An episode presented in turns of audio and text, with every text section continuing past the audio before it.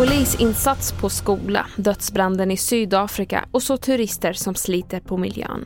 TV4-nyheterna här och vi börjar i Göteborg där två unga män greps vid en polisinsats idag på en gymnasieskola.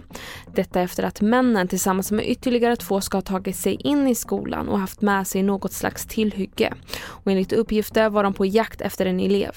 Ingen kom till skada men larmet som kom strax före lunch fick elever och personal att låsa in sig i klassrum tills faran var över. Först trodde alla att det var en övning så alla var liksom högljudda och skrattade men sen när man såg på läraren att han blev liksom svettig i pannan, kollade mycket ut genom fönstret så började alla tysta ner. Det blev läskigt. Jag visste liksom inte vad som skulle hända och eh, det kändes ju inte så tryggt liksom. Men när polisen kom blev det ju bättre. Och där hörde vi Irma Panev, elev på skolan. Och vidare till Sydafrika där dödssiffran fortsätter att stiga efter branden i Johannesburg. Minst 73 personer har omkommit och omkring 50 personer skadats.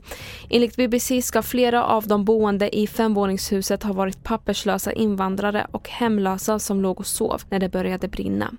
Flera personer uppges under dagen ha avlidit till följd av skador som de fick när de försökte fly genom att hoppa ut genom fönstren.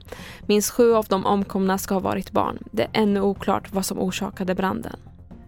Och slutligen kan vi berätta att turisterna har slitit för hårt på miljön. Ja, det meddelar Svenska turistföreningen STF.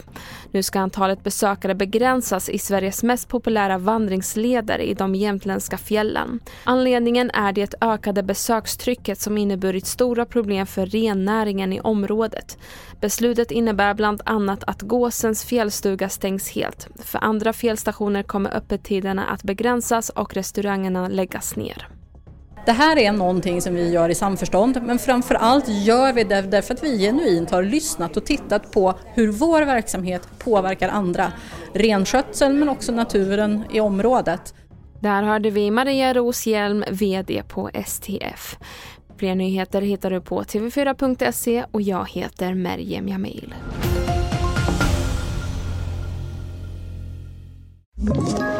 Ett poddtips från Podplay. I fallen jag aldrig glömmer djupdyker Hasse Aro i arbetet bakom några av Sveriges mest uppseendeväckande brottsutredningar.